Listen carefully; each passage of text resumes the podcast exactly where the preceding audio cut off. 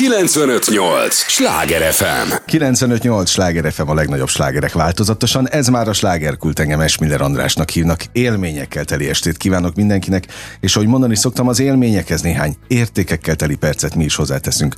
Majd nagyon kedves vendégemmel fogják őt szeretni. Tudják, ez az a műsor, amelyben a helyi élettel foglalkozó, de mindannyiunkat érdeklő és érintő témákat boncolgatjuk a helyi életre hatással bíró példaértékű emberekkel. Csizmadia Gergely is egy ilyen ember, aki jó régóta hatással van a kulturális életünkre. Örülök az idődnek, hogy jöttél. Köszönöm szépen, hogy itt lehetek, és üdvözlöm a rádió hallgatókat. Szóval tudatos ez a fajta irányítás? Mire gondolsz? A kulturális élet formálása. Hát, hú, ez kérdezte, hogy jókat fogsz-e kérdezni, és jókat kérdezel. Igen. Még el se kezdtük. Én azt gondolom egyébként, hogy aki ezen a területen dolgozik, annak ez kötelessége. Uh-huh. És akkor ez nyilván egyből felvet ilyen kérdéseket, hogy a kereskedelmi tévék miért így dolgoznak, miért így működik a közélet. Uh, igen, vannak bizonyos területek, amik ráhatással vannak erre, mi pedig azért küzdünk, hogy valahogy átemeljük bizonyos szellemiségeket és gondolkodásmódokat, amik fontosak. Mert csak azért is, az emberek tudjanak választani. Mi fontos most neked igazán? Hát nekem most az a fontos, amit most csináltunk, El, elkészítettük Karinti Frigyes egyik, hát talán örökbecsős mindenki által ismert regényét, az Utazás, koponyám, Utazás a koponyám körül című regénynek egy átdolgozását, aminek sikerült találni egy egészen elképesztő aktualitását. Tehát a pandémia és ez az időszak, ez nagyon erősen rányomta a bélyegét az emberek mindennapjaira, mindennapos volt a betegségtudat, az a fajta gondolkodás, hogy, hogy lehet valami, ami egyik pillanatról a másikra legyőz minket és hogy hogy lehet ebből kijönni. És nem tudom, hogy az öreg mester ezt tudta-e, mármint Frigyes, uh-huh. de hogy ő egészen hát hogy is fogalmazzak, ö, istenkereső utat, vagy, ö, vagy, vagy egészen az ő gondolkodásától egyébként eltérő, mert szerintem ő eléggé materialista uh-huh. volt, mikor ezt így meg se fogalmazta. Ö, egy egészen új útra lépett, nem is tudom ezt, hogy mondják manapság, ezoterikus, vagy szóval hát, van egy... spiri irány. Spiri, spiri irány, csak ennek okay. is megint van egy ilyen divatos, egy kicsit pejorati. Az a baj a mai világban, hogy nem tudsz megfogalmazni valamit, mert abból egy, egyből állást foglalsz. Uh-huh. Igen. Kicsit... De az irányokat értjük. Igen, tehát hogy valami egészen spiri, spirituális mondani valója van, és ez sikerült ebben, ebben az előadásban, azt gondolom, megfognunk.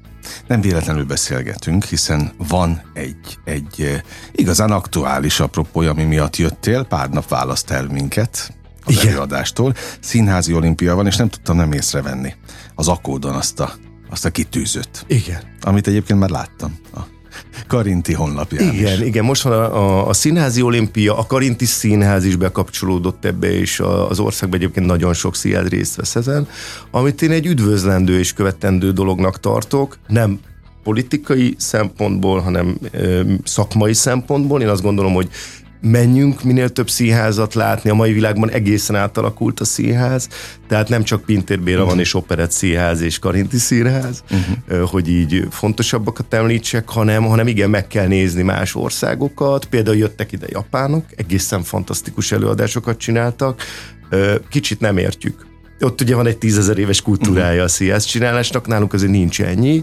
egész más a rendszere, de ezt most csak példaként hoztam föl. Jó látni más társulatokat is, milyen kérdések foglalkoztatják az embereket. Szerintem ez fontos. Uh-huh. Mit látsz, hogy mit tapasztalsz, milyen kérdések foglalkoztatják most az embereket igazán?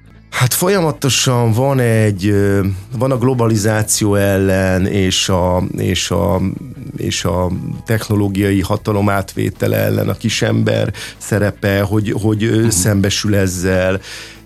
Ez, ez talán ami, ami nagyon divatos és mai, és egyébként azt kell, hogy mondjam, hogy a régi fontos kérdések, tehát az Isten Azok szerelem, Isten Azok szerelem halál. Ugyan. És ezeket próbálják új köntösben, illetve ma már azt látom, hogy egészen összművészeti módon állnak hozzá. Tehát ma már az, hogy vetítések vannak egy előadásban, akár 3D-sek, szóval ez, ez ma már nem idegen a színház világától, illetve tovább megyek, a Brúki üres tér, ugye ez a mhm. híres színházi mondás, hogy mi kell a színházhoz, deszka és szenvedély, és egy mhm. szereplő legalább. Ezt, ezt például most akár apropójaként a mi előadásunk kapcsán is elmondhatom, hogy mi is ebben próbáltunk gondolkozni. Tehát ma ebben az információ áramlásban és őrületben, hogy az ember leül a tévé elé, van 800 csatorna, folyamatosan információ ér, mindent vegyél meg, hú, kapd el, nincs időt semmire, gyorsan eszünk, szóval az egész élet fölgyorsult. Ebben üdítő megállni és, és, és azt mondani, hogy ez, ez a fajta gyorsaság felkészíti az embert arra, hogy egy színházi előadásban, amire, amire eljut, jó esetben a mhm. néző, azt mondja, hogy, hogy igen, elég egy üres tér, elég, ha a színész gondol valamire, azt egyből megteremtődik az én fejemben is. Tehát uh-huh. ez ma nagyon működik. Tehát egész, ilyen szempontból is egy picit átalakulóban van a színház nyelve, én ezt nagyon bírom. Ezt nem tükörben élt, vagy tükörnek hívták korábban, hogy elmegy, megnézi az előadást, és tükröt tart elé. Tehát valami ilyesmiről? Ö, igen, ez a Shakespeare, ez a tükröt Aha. tartani a, a természetnek.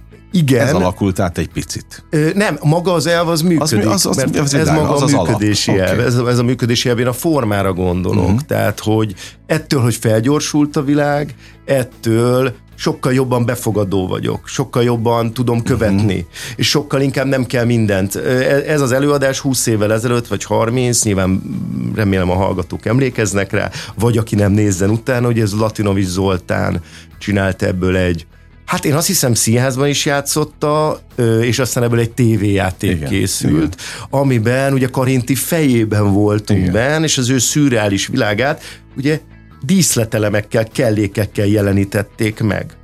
Ma ez például ebben az előadásban, vagy legalábbis amit mi csináltunk, nem kellett. Tehát ebben két színész egy bőröndel érkezik, ez is nagyon érdekes. Te vagy az egyik, ezt csak mondjuk el a hallgatóknak. Ja, bocsánat, igen, nagyon nehéz így, mert nem látom a fáttal az ah. erdőt. Illetve akkor pár információt elmondok az előadásról. Hát a legfontosabb, hogy május 11. Ez a budapesti premier. A Karinti Színházban. Most már tiéd a szó. Igen, tehát május 11-én a Karinti Színházban mutatjuk be, a Karinti Színház fogadott be minket. Egyébként a választás is érdekes, mert miért a Karinti Színház, és hát nem gondolkoztunk sokat. Tehát Jó, hát gondoltam. Azért nem is kérdezte. Igen, mindenki Annyira szeret... adja magát, nem? Igen. Igen, és amióta a Magyar Teátrumi Társaság megmentette a Karinti Színházat, uh-huh. az az apropója egyébként, és úgy kerültünk be ide, vagy úgy sikerült bejutnunk ide, hogy a Nemzeti Színház dramaturgia, Verebes Ernő írta ezt az uh-huh. előadást.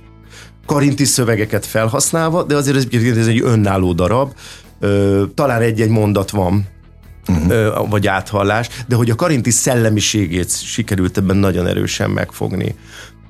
Kicsit a, a cím is változott. Igen. Koponyánk körülbelül. Koponyánk körülbelül, igen. Ez, ez, egy, ez egy ilyen karintis poén szerintem, mert hogy kívül is vagyunk egy kicsit, és a nézőt próbáljuk bevinni ebbe a koponyába, a saját koponyánkba, hogy gondolkozunk, próbáljuk feléleszteni és megteremteni Karinti szellemiségét és zseniét, ami először ijesztő feladat volt. Mm. De és aztán arra jöttünk rá, hogy minél egyszerűbben és könnyedebben. Tehát azt a fajta derűt és könnyedséget, amit Karinti képviselt, bár műve, műveit ismerve azt gondoljuk, hogy egy ilyen önmarcangoló személyiség volt. Nem, de egy folyamatos megfelelési kényszer volt benne önmagával szemben, vagy a művészi attitűddel szemben, amit képvisel de azért alapvetően ő is egy ember volt, és ezt az emberséget próbáljuk közelhozni a nézőköz. Uh-huh. Tehát egyszer csak a néző jön velünk. Nagyon érdekesek a, a vízhangok. Annyit el kell meséljek még róla, hogy ezzel az előadással turnéztunk. Tehát ez most egy budapesti ősbemutató, Kecskeméten most április 30-án, 25-én megmérettettünk a színházi olimpián, uh-huh. nagyon jó visszhangja és fogadtatása volt ott is, és utána egy délvidéki vajdasági turnét csináltunk, egy négy naposat, Magyar Kanizsán, Zentán voltunk, Zentán óriási szellemi élet van, tehát ott fantasztikusan jól fogadták Csóká játszottunk, és Óbecsén, ez volt a uh-huh. négy állomásunk. Tavasszal is volt előtte egy, egy turnénk, az is egy négy napos, tehát egy picit bejáratott már az előadás. És hogy miért mondom ezt? Azért mesélem, mert beültek kendős nénik, bottal, akik jöttek a kertből a paradicsom kapálás után, és azt mondták, hogy hát beülünk erre, mert hát Karintiról már hallottunk, milyen érdekes lehet ez, minden társadalmi réteget és korosztályt megtalál. Tehát mindenki megtalálja benne a számára fontos mondani valót. Uh-huh. Az elején azért ennek a karinti humora átjön, és azért úgy nevetgélnek, de hát amikor ugye egyszer csak tudatosul a nézőben és a, a, a frigyesben is, hogy úristen, mi történik velem. És hogy ez egy, ez egy halálos betegség, onnantól valahogy úgy nem nevetnek. Uh-huh. Ez, ez volt a legjobb ö, kritika, azt mondta egy, egy idősebb hölgy, hát ő nem tudta, hogy sírjon, vagy nevessen. Na, benne volt minden. Így van. A visszajelzésben. Ez a, az igazi siker számotokra, vagy sikerélmény? Vagy ez, ez szintén összetettebb? Hát ez most mi vissza, egy darab sikere? Visszakanyarodik az első kérdésedhez. Én azt gondolom, hogy igen, hogy ugye úgy hívták a színészeket régen, és ne értsék félre, ez nem öntöményezés, de hogy táli a papjai. Ja, Tehát, abszolút, hogy az abszolút. embernek feladata van önmagával szemben egy folyamatos megmérettetés, hogy meg tudom-e ugrani ezt a következő szerepet, tudok-e valami újat találni magamba, illetve nem is magamba, mert ez nem egy ego trip.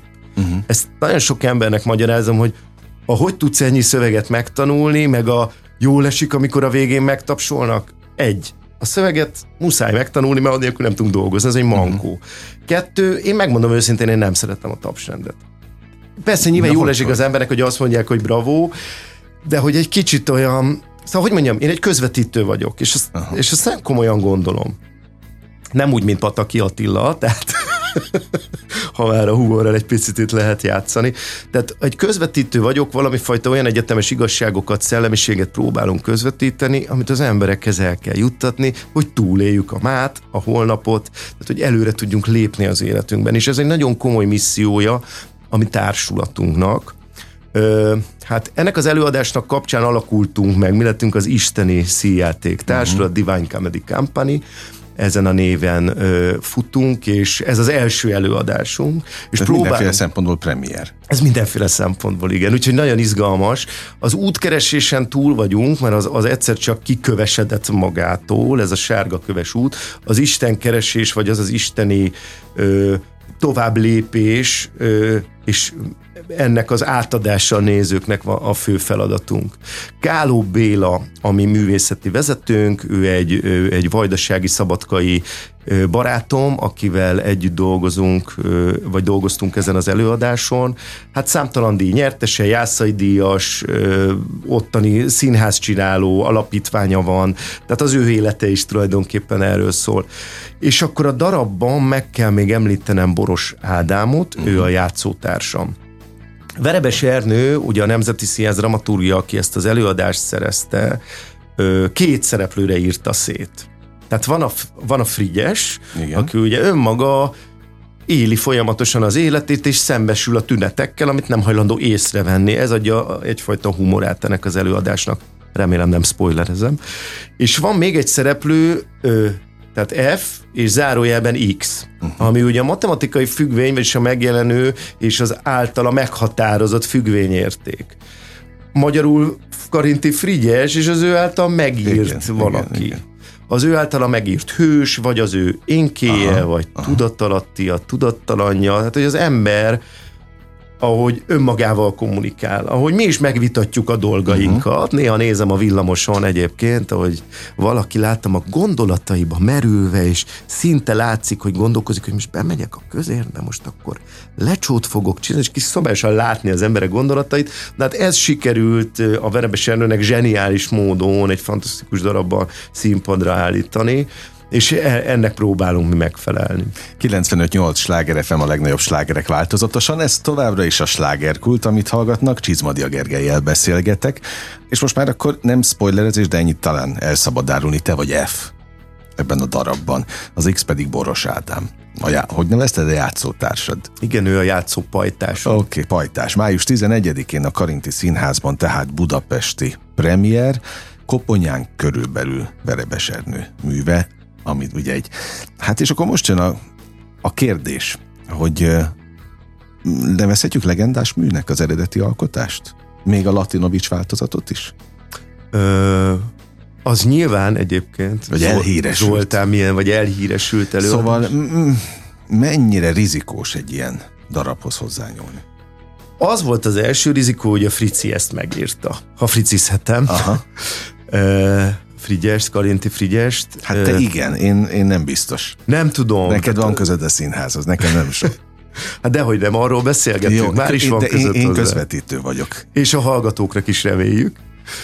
Üm, igen, tehát eleve az egy nagy vállalás volt, ebben a korban nem voltak jellemzőek ezek. Azért ez egy betegség történet. És azt mondani, hogy én most leülök az írógép elé, és leírom, megírom ennek a sztoriát, nyilván, mint minden író, folyamatosan dolgozott. Tehát állandóan jegyzetelt, és, uh-huh. és gondolom próbált ezt majd felhasználni a jövőben. De az, hogy ő ebből egy regényt írjon, azt szerintem akkor született, amikor ő túl volt ezen. És túl Valószínűleg, igen. Valószínűleg és valószínűleg igen. az is benne volt, hogy ő úgy érezte, hogy hát 80 százalék az esély, ez elhangzik a darabban mhm. egyébként, uh-huh. hogy ebbe a műtétbe bárki belehal. Nyilván akkor még nem tudták pontosan meghatározni, de aztán később kiderült, hogy igen. Eh, hogy ez mekkora ez a daganat, de hogy ez a mai napig egyébként egy, egy ilyen műtét. Hogy élve van alatta az ember, élve, vagy ébren tartják, Igen. nem altatnak, nézik az életfunkcióit, és hát azért ezt képzeljük el. Egyébként jöjjenek el az előadással, mert abban ez konkrétan megjelenik ez a műtét. E, erről is az volt a visszajelzés, hogy úristen, ez mennyire bizarr. Mm. Ez olyan mondatok hangzanak el. És Nehéz darab? Hát olyan, egyrészt fizikailag és lelkileg, szellemileg nehéz. Tehát olyan váltások vannak benne. is? Hát igen, ez 85 perc játék egyben, Aha. és hát mindenhol vagyunk. És mivel nincs díszlet, mindent a szellemileg teremtünk meg ott. Tehát ez, egy, ez ilyen szempontból kihívás. Két évig próbáltuk. Ez a két évig? Kettő, nem úgy, hogy napi szinten két okay, évig. Jó, de hát jó sokáig tartott. De hogy, de hogy igen, mert volt... alkotási folyamat. Volt neki futás többször. Tehát ugye a, a, a Káló Béla kollégám, és barátom, ő fölkérte a, a, az Ernő, ők nagyon jóban vannak, nagyon jó szakmai kapcsolatban és barátiban, hogy, hogy, hogy ezt írja meg. Uh-huh. És akkor az Ernő, nem is tudom, hogy ott pár hónap vagy évek teltek el, de hogy ugye ez egy érési folyamat. Ernő folyamatosan dolgozik a Nemzeti Színházban, az összes uh-huh. darabot ő, ő csinálja, és ez egy hosszú folyamat volt, amíg eljutott odáig, hogy akkor, hogy akkor ezt, ezt papírra vesse, meg egyáltalán neki is kellett ihletettség. Nem szeretnék az ő, ő nevében beszélni, de az ő életének is volt egy betegség története, ami pont ekkor kapta el. Amikor elkezdtétek? Igen. Leesett egy létráról eltörött a bordája, nem tudom, kórházba került. Röngen, nem tudom, mi befeküdt az osztályra, másnap jött egy konzilium, és négy ember fölött állt, és közölte, hogy hát, a törés az hagyján, de az a helyzet, kedves Verebes úr, hogy ön halálos beteg. Aha. És három hónapja ma hátra. És kivonult a konzilium, és ott, ott hagyták az ágyon fekve. Hát egy azt hiszem egy három-négy-öt napig, ami alatt hát ott megy a motoregér, Aha. Majd öt nap múlva bejött egy konzilium, és azt mondta, hogy Verebes úr, tévedtünk. Őrület. Őrület. Őrület. Ez egy nagyon szép történet, és én azt gondolom, hogy Jó, ez hát neki... Az, okay, hát ez egy nagyon erő... is megkönnyebbültem. Hát de már. úgy érte, igen. Tehát emberileg nyilván ezt Na de kellett ez a mélység, ugye azt mondják, hogy aki dudásra kell lenni, pokorra kell annak menni, igen, az Ernőnek is végig kellett járni uh-huh. valamit. Nekem közben a próbák alatt, a próbák alatt nekem például com, comnyak, az nem hál' Istennek, de egy kulcscsontörésem volt. Tehát egyszerűen annak a, annak a tudata, és ezért mondtam példaként a beszélgetésünk elején a pandémiát, és azt mondom, hogy az emberekhez ez nagyon közel áll. Egyrészt ugye idősebb korban szembesülünk a betegséggel, de volt egy olyan időszak, hogy napi szinten szembe jött. Igen. Ha más nem a szomszédunk. Nekem van olyan ismerősöm, aki mind a két szüleit elvesztette egy hónap leforgásra. Szóval, szóval borzalmas tragédiák voltak a mi előadásunk próbál ehhez valami megoldást adni, és kulcsot, hogy hogy lehet tovább lépni, hogy lehet szembenézni a halállal, uh-huh. hogy lehet ezen, ezen tovább lépni. Jó, hát a kapaszkodó az ilyen szempontból nemes küldetés, de hát ahogy most hallgatlak, ez, ez nektek sem egy egyszerű. Tehát ahogy mondtad is, hogy tényleg megterhelő fizikailag is, Igen. de azért szellemileg is. Igen, de ebben segít a karinti humora. Na ez lett volna a következő kérdés, egy... hogy ez a híd?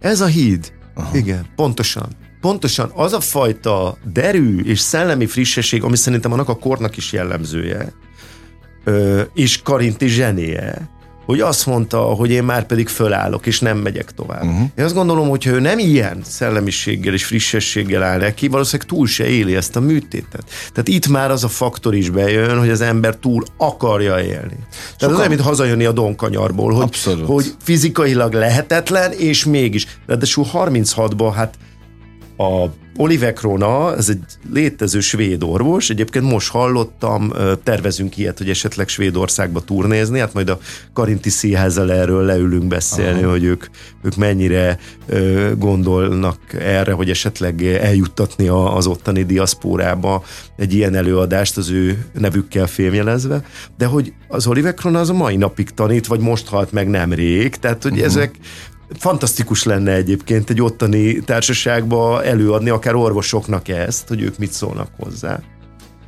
Szóval, hogy egy nagyon-nagyon élő történet, és amit mondani akartam, ez, hogy a saját eszközeivel műtött. Tehát uh-huh. akkoriban van egy Trepán nevű fúrófejezés, benne van a darabban. Most nem elriasztani akarok senkit, egyébként azért ez nem egy National Geographicos ilyen orvosi dokumentumfilm, de hát azért ez adja az izgalmát. Hát Tehát ezt végig, akkor, ez rendkívül izgalmas. Végigkövetjük ezt a szenvedés történetet.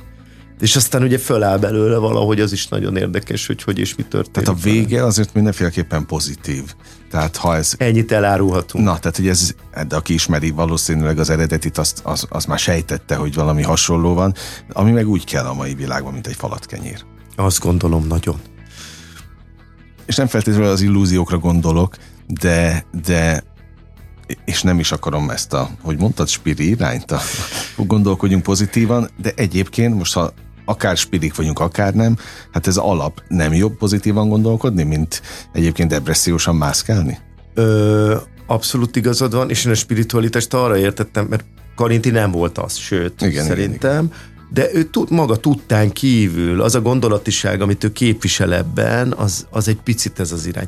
Most nyilván, aki és akkor nem akarom megosztani a hallgatókat, de hát nyilván valaki hevesen bólogat. Nyilván aki is ebbe az irányba elindult, és megtalálta ezt magának, vagy ez ad mencsvárat az életébe, az, az, az ezt megtalálja a darabba. Aki nem, az nem fogja ezt megtalálni feltétlen, de ő is kap valami uh-huh. kapaszkodót.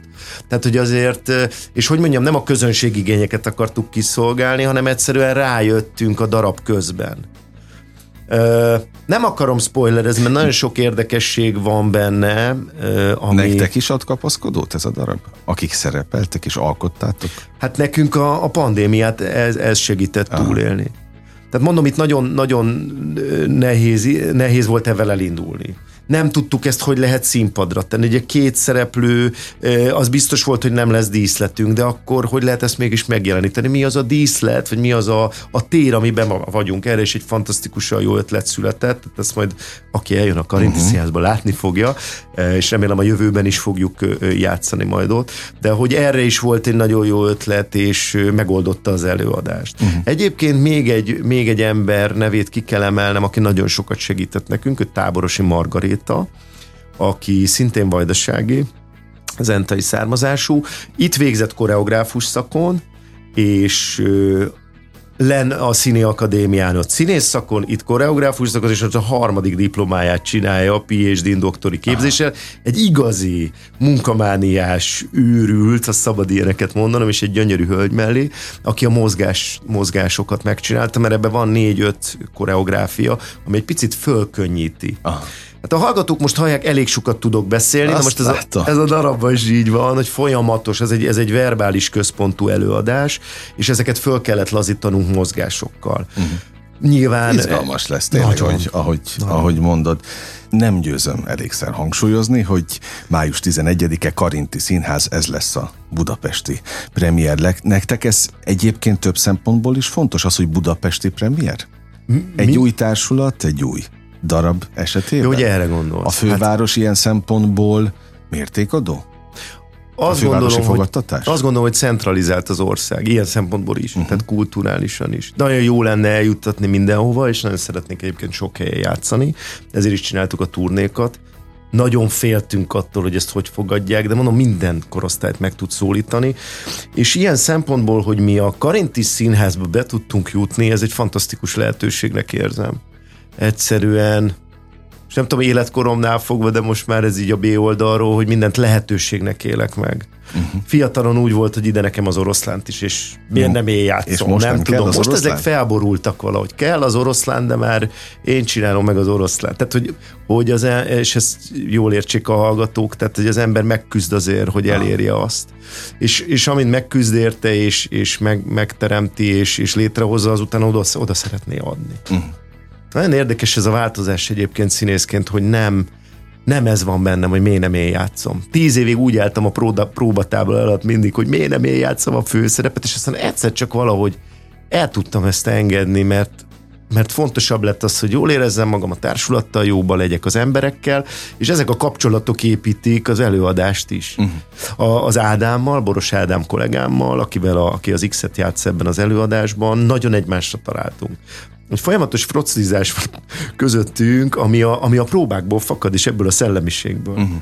Tehát ahogy a Frici vitatkozik magával, és állandóan van egy folyamatos, hát mai szóval mondva, oltogatás, uh-huh lehetek ilyen mainstream, ezt, ezt átvettük a való életbe, tehát azt vettük észre, hogy ezt csináljuk nap, mint nap, napi Aha. szinten, úgyhogy, úgyhogy Karinti szelleme tovább él, már bennünk is, és ezt a lehetőséget, ezt, ezt nagyon köszönjük, mert egyrészt az, hogy sikerült megmenteni a Karinti Színházat, mert úgy volt, hogy bezár. Uh-huh. Tehát ez, ez egy, ez egy nagyon-nagyon-nagyon-nagyon jótékony és, és áldásos állapot, hogy ott a mai napig tudnak előadások lenni, és az nem is, az nem volt kérdés, hogy Karintit a Karintiba. Van, na, na. Ráadásul ugye ott van egy, van egy komoly réteg, aki, aki hát most már 30 éves, nem is tudom hány éves. Igen, igen, igen, igen. Komoly múltja van. Millió kérdésem van még. Mond. De hogy van a mondás jó társaságban, röpül az idő, képzeld, hogy az első rész már véget is ért. Jaj, de, de jó. De megyünk a következőbe, úgyhogy maradj velünk, erre kérlek velem, hallgatókkal is természetesen, és őket is várjuk. Egy lélegzetvételnyi szünetre megyünk csak el, aztán folytatódik a slágerkult. 958! Sláger FM! Mondtam, hogy nem kell sokat várni. Már is itt vagyunk a következő résszel. 958! Sláger FM! A legnagyobb slágerek változatosan. Igen, ez már a második része a műsornak. Örülök, hogy itt vannak. Vannak is örülök, hogy Csizmadia Gergely itt maradt velünk, és folytatjuk a beszélgetést. Nem véletlenül van egy apropója, ami miatt eh, a diskurzusunk tart. Május 11-én a Karinti Színházban budapesti premierje lesz Verebes Ernő Koponyánk körülbelül című művének. Rengeteget dolgoztatok rajta, ezt elmondtad az előző blogban is, de hát tulajdonképpen ez hozott létre egy új, mondhatom így, színházi társulást? Igen, ennek a szellemisége. A szellemisége uh, isteni színjáték társulat, ami uh-huh. magyarul egy picit fellengzősen hangzik. Hát és az baj. Nem tudom, mert félreérthető. Hát de a színház nem egyébként erről szól? Nem tudom, stílusok vannak, de azért, azért azt nagyon, nagyon nehéz a mai világba kódolni. És akkor ezért, ezért is váltottunk az angol névre, a Divine Comedy Company-ra, mert az, az valahogy... De lehet, hogy az még fellengzősebb.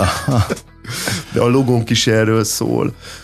Um, igen, tehát isteni színjáték társulat, isteni színjátékokat csinálni, valami fajta továbblépési lehetőséget adni az embereknek, ez volt a fő cél. De ez neked is egyfajta továbblépés. Ahogy én hallgattalak téged az előbb, ahogy mondtad, és próbáltam elképzelni a próbatábla alatt érzéseidet, hogy, hogy mit lekillódtál, hogy miért nem te vagy azon a, a, a, azokban a szerepekben, amit megálmodtál, vagy, vagy, vagy amit úgy gondoltad, hát, hogy te is el tudnád játszani? Igazából az az, az egóról szólt.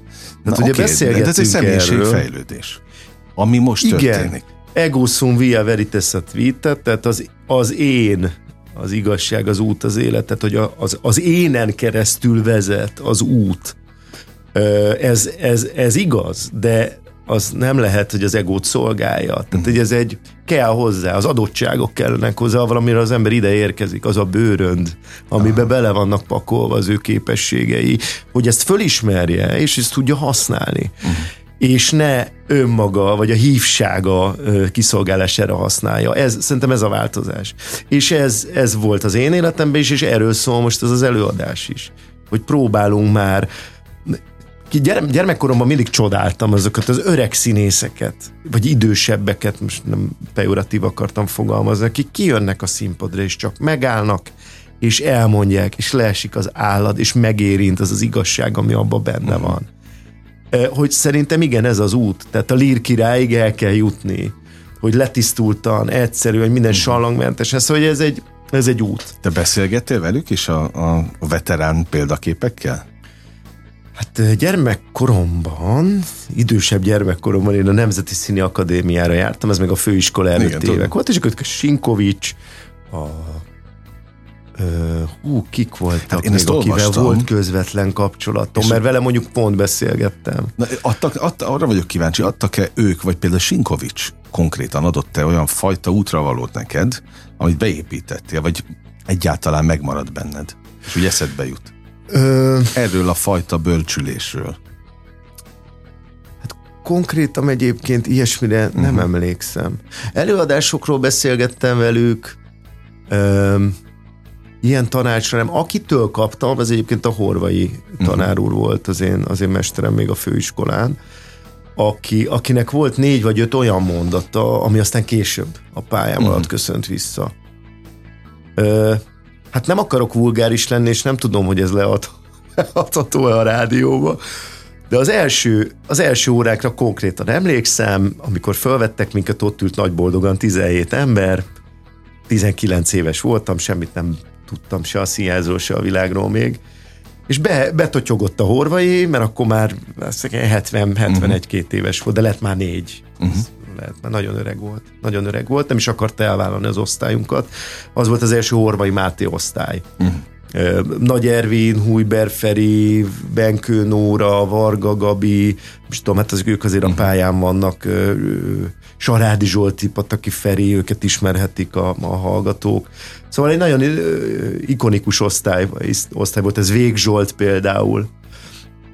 Így jártunk együtt, és az első órán ott ült mindenki nagy boldogan, vidáman, hogy akkor úristen, mi lesz, bejön a nagy mester, és mi lesz vajon az első mondata bejött, bejött a tanár úr, leült az asztalhoz, vigyorgott ránk, nézett egy darabig, vigyorgott állandóan, egyébként állandóan mm. így. Vigyorgott, és azt mondta, hogy tegyék föl a kezüket a fiúk.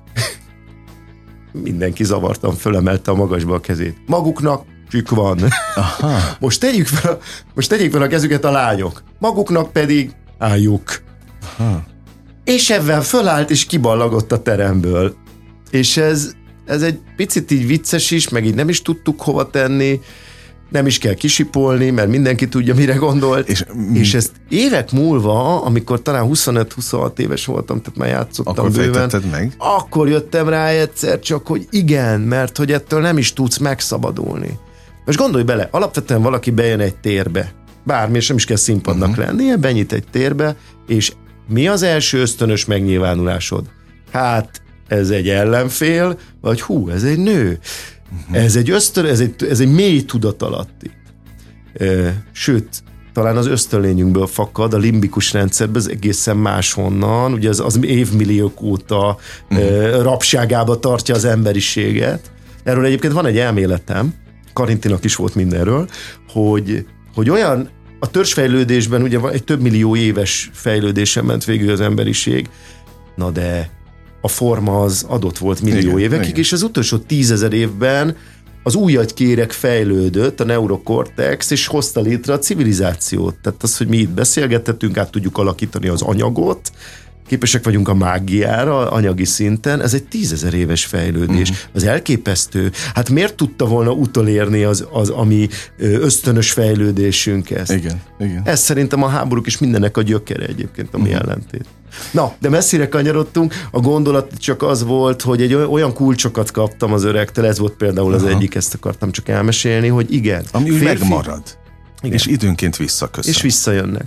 És szóval, ezek fontosak. De ez a fajta egyetfejlődés azért és azt gondolom, hogy én minden egyes műsorral az a célom, hogy a hallgatók is kapjanak valami útravalót, és azon gondolkodjanak.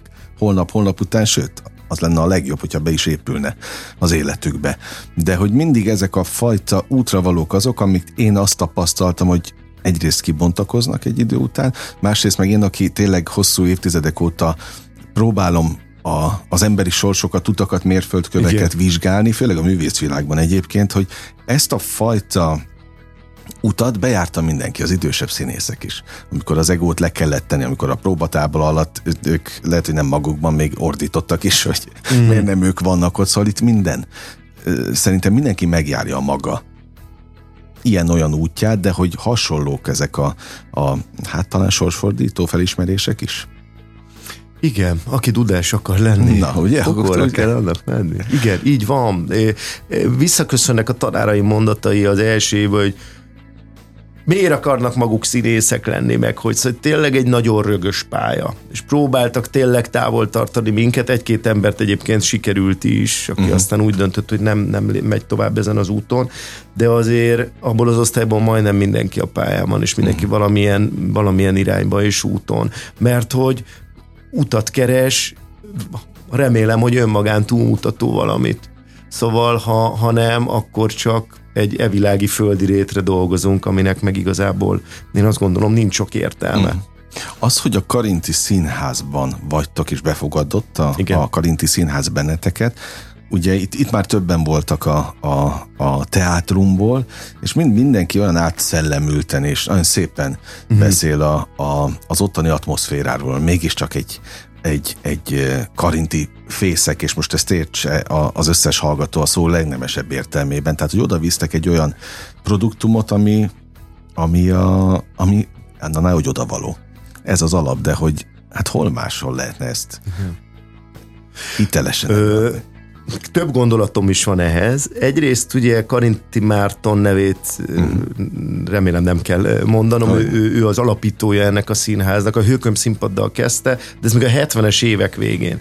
Az az érdekessége a Karinti Színháznak, hogy ez egy teljesen magánkézben lévő színház volt, ugye a kommunista ér alatt, tehát hogy ez, ez egészen a szocializmusban ez egy, ez egy lehetetlen dolog volt, és ami miatt tudott működni, az az egyrészt a Marcianak az eltököltsége, Karinti Márton eltökéltsége, akinek gondoljunk bele azért az életét, hát beárnyékolja, vagy nem is tudom, azért ez egy nagy súly, nem? Karinti Frigyes unokájának lenni. Igen.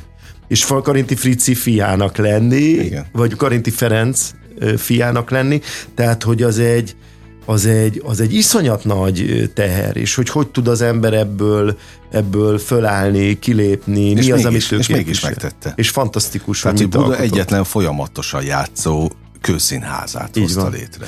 Így van. Így van, és nagyon fontos volt ennek a megmentése. Na most Hozzáteszem... Meg, megmentés, szabad ne feled. Igen. A, már az előbb is felsejlett bennem ez a kérdés, csak nem volt itt az ideje, hogy feltegyem. Ez is valamilyen fajta mentési folyamat, ami most létrejött? Nektek is? A kar- karinti szellemiség mentése? Vagy mire gondolsz? Dobott-e nektek ez a darab, amit hosszú-hosszú évekig formáltatok, valamilyen fajta kapaszkodót, amit egyébként ti szeretnétek most a nézőknek adni?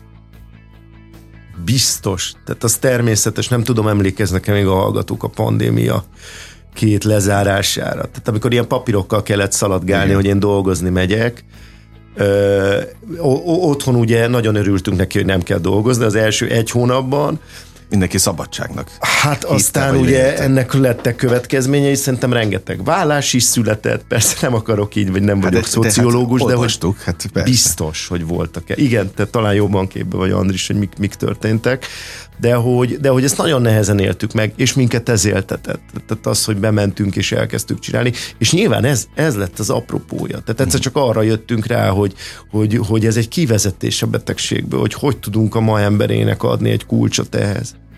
Er, ez, ezt az előadást szerintem átadja ezt a kulcsot.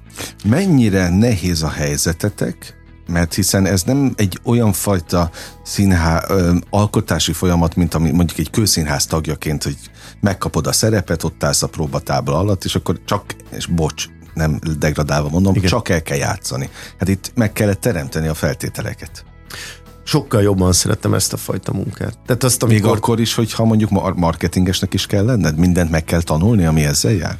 Fú, hát erről egy órát beszélhetnénk külön, hogy, hogy mennyi egyrészt ilyen social médiás képzésen veszünk részt, segít más független színházas emberke nekünk, Vucic virágot meg kell említenem, mert nagyon sok munkát Aha. tett bele, hogy mi, hogy mi egyetem hirdetést tudjunk kezelni, tehát hogy azért mi már 40 pluszosok vagyunk, nekünk ez egy kicsit nehezebben megy, és egyáltalán eladni magunkat, tehát folyamatosan menni és tolni ezt. Mivel egyébként egy jó és igaz dolgot képviselünk, ezért ez nem nehéz. Tehát uh-huh. nem egy emelem vagyunk, hogy vedd meg ezt a nem tudom uh-huh. mi papírceruzát, mert milyen jó lesz neked. Ez azért egy érték, amit így, amit így nem, nem nehéz árulni. Egyébként még egy, egy, egy gondolatra vissza szeretnék kanyarodni a Karinti Színházig, hogy a Marci nagyon erősen, aztán térjünk majd vissza, okay. de olyan erősen képviselte azt a fajta szellemiséget, amit ő hozott otthonról. Uh-huh. És egyébként annyit még el akartam mondani, hogy minden, majdnem minden színész, aki ma dolgozik, az játszott ott. Most lehet, hogy a 30 évesek, vagy a fiatalabbak nem, de hogy az, az a fölötti generáció, uh-huh. én nem találkoztam olyannal, aki nem fordult volna meg ott.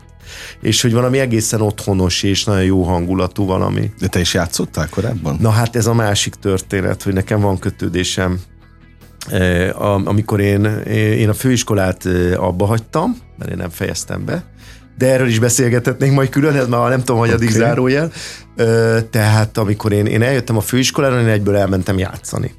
A horvai tanár úr mindenképp szerette volna, ha én folytatom. Uh-huh. Személyes ellentéteim voltak másik tanáraimmal, és nem akartam ott, ott maradni, de én egyből elmentem játszani. És akkor a Marci engem megtalált, már nem is talán a Földesi Margiton keresztül, vagy ő ajánlott be, és egyből kaptam tőle egy, egy nagyon jó pofa szerepet, az őrült nők ketrecébe a fiút, uh-huh. aki a, a Albennek a, és a Zsorzsnak a fia.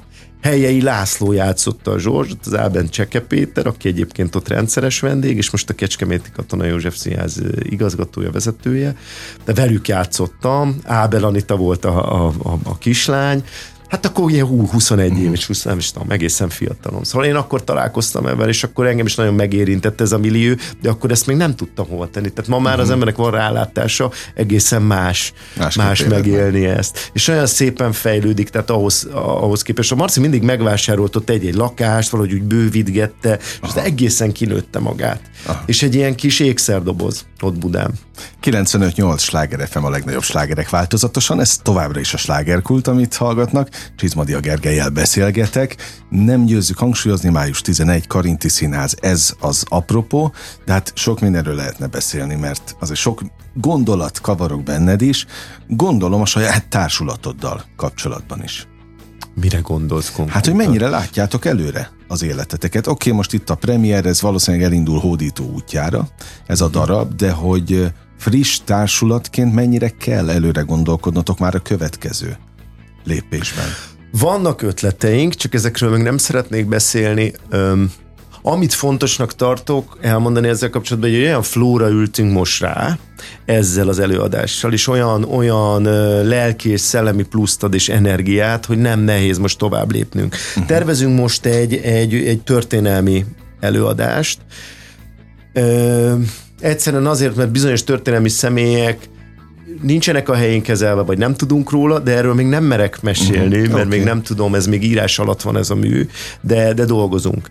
Amit én nagyon szeretnék, és ajánlottam a, a, a Bécinek, a Káló Béla társulatvezetőnek, hogy, hogy egy olyan klasszikushoz nyúljunk, és alá, akár új köntösbe, de ennek még, még nem találta meg. Én Shakespeare-re gondoltam. Aha.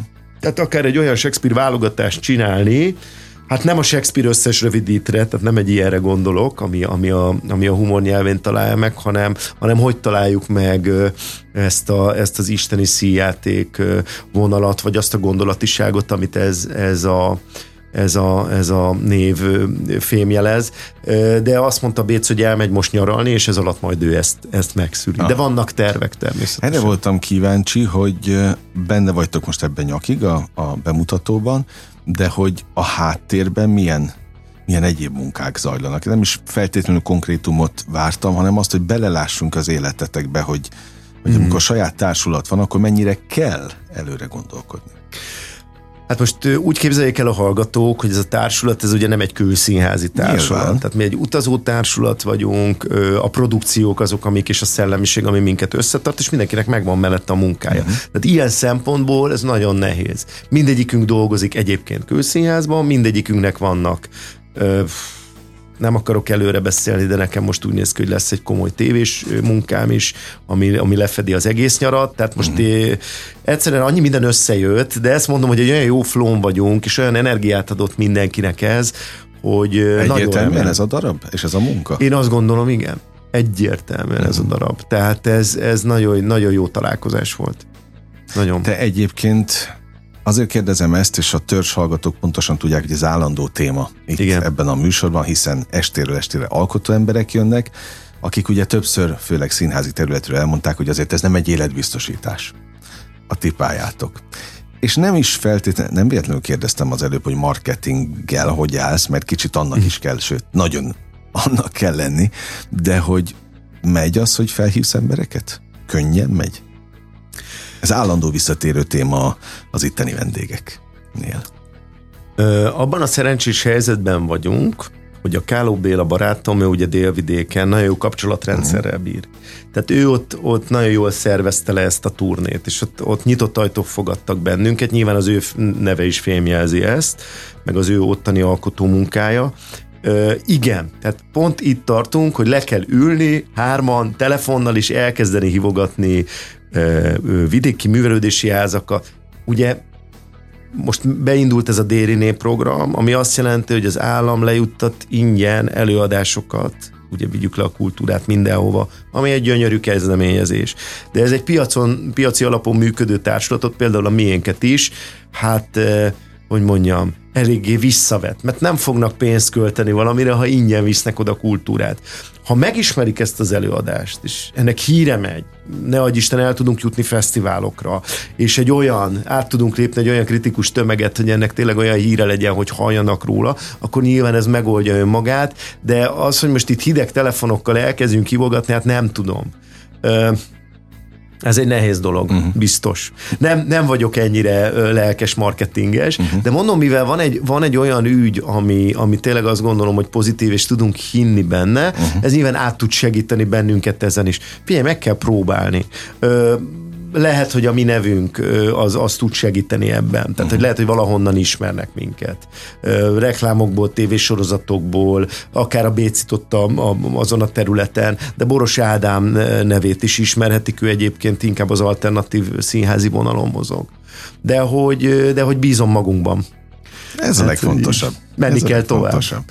Akkor is bíztatok egymásban, amikor még nem volt ennek meg a helye, helyszíne? hanem csak alakult? Azt tudtuk, hogy nagyon jó, amit csinálunk, és hogy, hogy működik.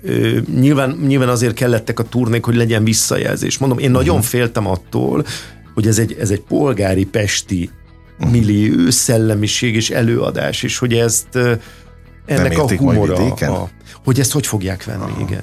Tehát azt, hogy egy, egy, egy bácsi, aki ott ül, és, és egész nap a földet kapál, tehát hogy ő az, hogy, hogy jut át rajta ez, és ő nála emocionálisan működik, uh-huh. és az emocionális része megy át. A, mit tudom én, a pesti barátaim, akik közgazdászok, ügyvédek, orvosok, nem tudom, jöttek-e az előbemutatót megnézni, azok meg, meg, meg végigröhögték az elejét, uh-huh. mert, mert ők meg, meg a, meg a szöveggel és a verbalitás. Igen, De az baj egyébként, hogyha mindenki mást vesz ki, és mást ért belőle? Nem, szerintem az isteni. Hát pont ez a, hát az a legjobb benne, persze. Mindig mondom, hát kimegyünk az utcára, öt ember, öt különböző igen. részletet fog kiemelni egy, egy utca. Mi a fontos is. neked? Mi az, amit ki tudsz? Hát, nyilván a színház... nyomsz meg benne? Milyen gombot? És nyilván ilyen szempontból a színház tükröt tart. Tehát pont uh-huh. az a tükör, hogy te mi az, amit ki tudsz emelni egy előadásból, és mi az, ami neked fontos. Te egyébként ilyenkor, amikor benne vagytok egy darabban, tudjátok kívülről nézni, vagy nem is kell kívülről Fú, nézni? Ez megint egy külön beszélgetés, látom, hogy majd jönni fogok hozzád még az is. A, a, a színpadon való létezés, behind the scene, Igen. de a színpadon való létezés az egy nagyon furcsa koncentráltság. Tehát az, az egy, ugye van maga az egész massza, így uh-huh. hívjuk, vagy anyag, amit át akarunk adni. Annak van egy íve, tehát az egésznek van egy, van egy íve, uh-huh. a, és ezen belül vannak hangsúlyok, ez akár ugyanúgy, ahogy egy monológban, hogy egy monológnak van egy íve, amin, igen, amin igen. el kell jutni valahogy, hogy ez a gondolat átmenjen. Most gondolj bele, hogy ez mögtő Shakespeare-nél mennyire nehéz. Tehát, hogy, hogy képeket sző egymásba, és közben egy olyan nyelven, és közben a néző az átmenjen valami ebből. Tehát először is a, a színésznek át kell szűrnie magán, azon meg kell érnie, meg kell érteni, át kell érezni, utána át kell tudni élni, és utána ezt az átélést mindig létrehozni. Uh-huh És ezeket az átéléseket, amik egymás után vannak bizonyos darabok, ezeket össze kell fűzni, és utána az egészet ritmusba rakni. Na ez maga az előadás. És akkor jön az, hogy ez, ez az előadáson belül te hogy koncentrálsz az egészre, a szövegre, a partnerre, a nézőre, mert valami fajta, és egyáltalán kívülről, hogy mi van. Mesélek egy példát, a kollégám zakója, de az enyém is belül az ujjánál végig szakadt, uh-huh. ahol hogy be kell bújni. És van egy koreografikus rész, ahol mind a ketten párhuzamosan belebújjunk az akóba. Ez egy zenére működik. És hát megy az, ez az előadás eleje. És csináljuk a mozdulatot is egyszer csak. Az egyik, az egyik előadáson nekem, aztán meg kellett Aha. nyilván varni, én nyúltam bele az ujjába, de hát természetesen nem, hanem bele a bélésbe. És ahogy belenyúltam, megakadtam, álltam, Na most mi legyen? Ugye ezek tized másodpercek uh-huh. a néző észre se veszi. Ránéz a kollégára, a kollega ránéz, van egy reakciója, kinéz a nézőre, én vissza, visszahúztat. Elkezdtünk improvizálni benne. És és ez az improvizáció, és ez a fajta frissesség, és mindig ott látom egyébként, hogy egy előadás mennyire működik. Ha tudsz benne jól improvizálni, akkor, akkor nagyon működik. Akkor működik. Mert hogy olyannak kell lennie, mintha akkor uh-huh. történne tényleg. És tényleg mi is úgy érezzük, hogy ebbe az előadásba ezt sikerült megugrani. Uh-huh. Tehát tényleg olyan, mint hogyha ilyen könnyedén beszélgetne és csinálna ez a két ember. De pont ez a lényeg. Hát pont Szerintem... ez. Kapjon valamit így arról, hogy jaj, egyébként majdnem meghaltam, de úristen, és közben de kijövök belőle, és tovább. azt mondom, hogy de csodálatos az élet. Ennyi. Nekünk erre nincs időnk meghalni. Megyünk tovább. Így Szerintem van. kellőképpen felkeltettük az érdeklődést. Remélem. Úgyhogy május 11, ez a premier a Karinti Színházban, és akkor onnantól tessenek az oldalaitokat, a Karinti oldalát is követni, figyelni, hogy mikor lesznek a következő aktuális előadások. Várjuk szeretettel minden kedves színházrajongót, és még egyszer megköszönni a Karinti Színháznak a lehetőséget, hogy ott vagyunk. Köszönöm szépen. Én pedig a te idődet köszönöm, nagyon élveztem a beszélgetést. Gyere máskor is, ahogy a hallgatókat is elvárjuk. Köszönjük a megtisztelő és kitüntető figyelmet, most bezárjuk a slágerkult kapuját, de holnap ugyanebben az időpontban központban ugyanitt újra kinyitjuk. Élményekkel és értékekkel teli perceket, órákat kívánok mindenkinek az elkövetkezendő időszakhoz is. Engem Esmiller Andrásnak hívnak, vigyázzanak magukra. 958! Sláger FM!